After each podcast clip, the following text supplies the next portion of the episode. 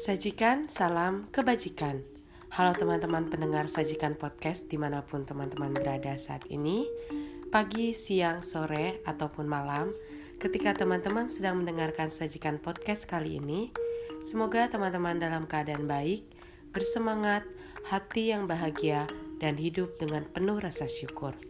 Kali ini, saya akan menceritakan satu buah narasi ilustrasi yang berjudul Kalung Berlian. Pelantikan wisudawan wisudawati sudah usai. Namun, suasana syukur dan kegembiraan belum hilang seluruhnya. Karena malam minggu depan akan diadakan pesta yang sangat meriah. Selain untuk merayakan kelulusan, sekaligus juga merupakan pesta perpisahan. Dari sekian wisudawan wisudawati yang merayakan, ada wisudawati yang justru merasa gundah semakin dekat hari H merasa gelisah. Apa kiranya yang menyebabkan hal tersebut? Wisudawati yang satu ini gelisah karena dia ingin tampil cantik, sementara keadaan tidak menunjang, di mana dia membayangkan tampil cantik lengkap dengan aksesoris dan dia tidak punya barang satupun. Apa kiranya yang akan ia lakukan? Pikir punya pikir, dia memutuskan untuk meminjam aksesoris yang dibutuhkan untuk mempercantik dirinya itu kepada tantenya yang kaya. Dari tantenya yang kaya, dia pinjam kalung berlian. Pesta kelulusan serta perpisahan kali ini memang sangat meriah dibandingkan tahun-tahun sebelumnya. Tetapi kemeriahan pesta itu ternyata membawa sesal dan duka yang mendalam bagi wisudawati yang ingin tampil cantik tadi apa gerangan yang terjadi? Kalung berlian yang didapat dari pinjaman tersebut saat pesta hilang entah jatuh di mana.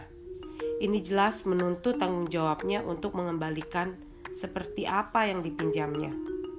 Padahal dia orang yang tak mampu, namun apa daya.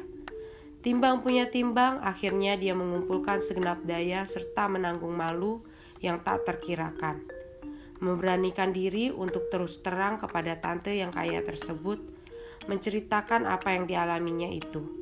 Diiringi seseguk dan tak tertahan dia pasrah karena tidak bisa mengganti apa yang sudah dihilangkannya. Apa yang terjadi? Dengan wajah penuh kasih sayang namun berwibawa, tante yang kaya itu memberi wejangan. Makanya, jangan terlalu memaksakan kehendak kalau kejadian begini, lalu bagaimana?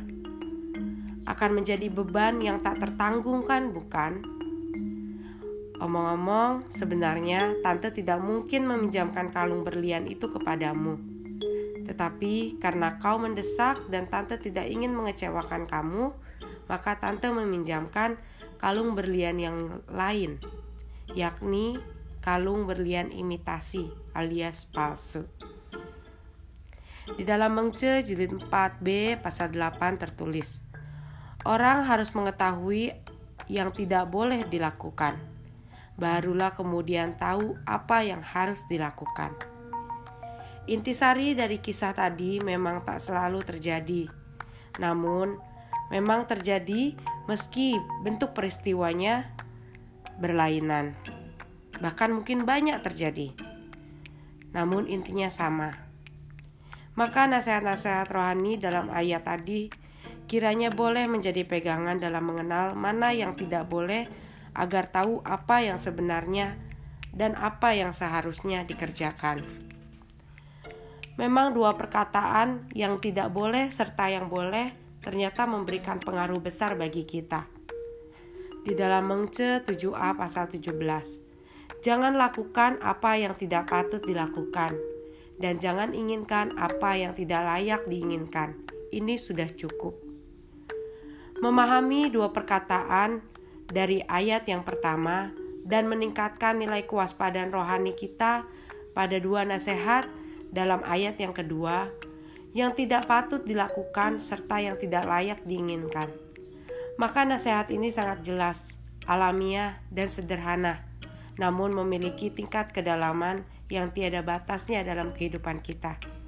Sebab dengan tidak melakukan yang segala sesuatu yang tidak patut dilakukan, kemudian tidak menginginkan segala sesuatu yang tidak layak diinginkan, sebenarnya peri kehidupan kita senantiasa berada di dalam kondisi yang terpelihara dalam nilai yang tertinggi, yang hanya dimiliki oleh umat manusia.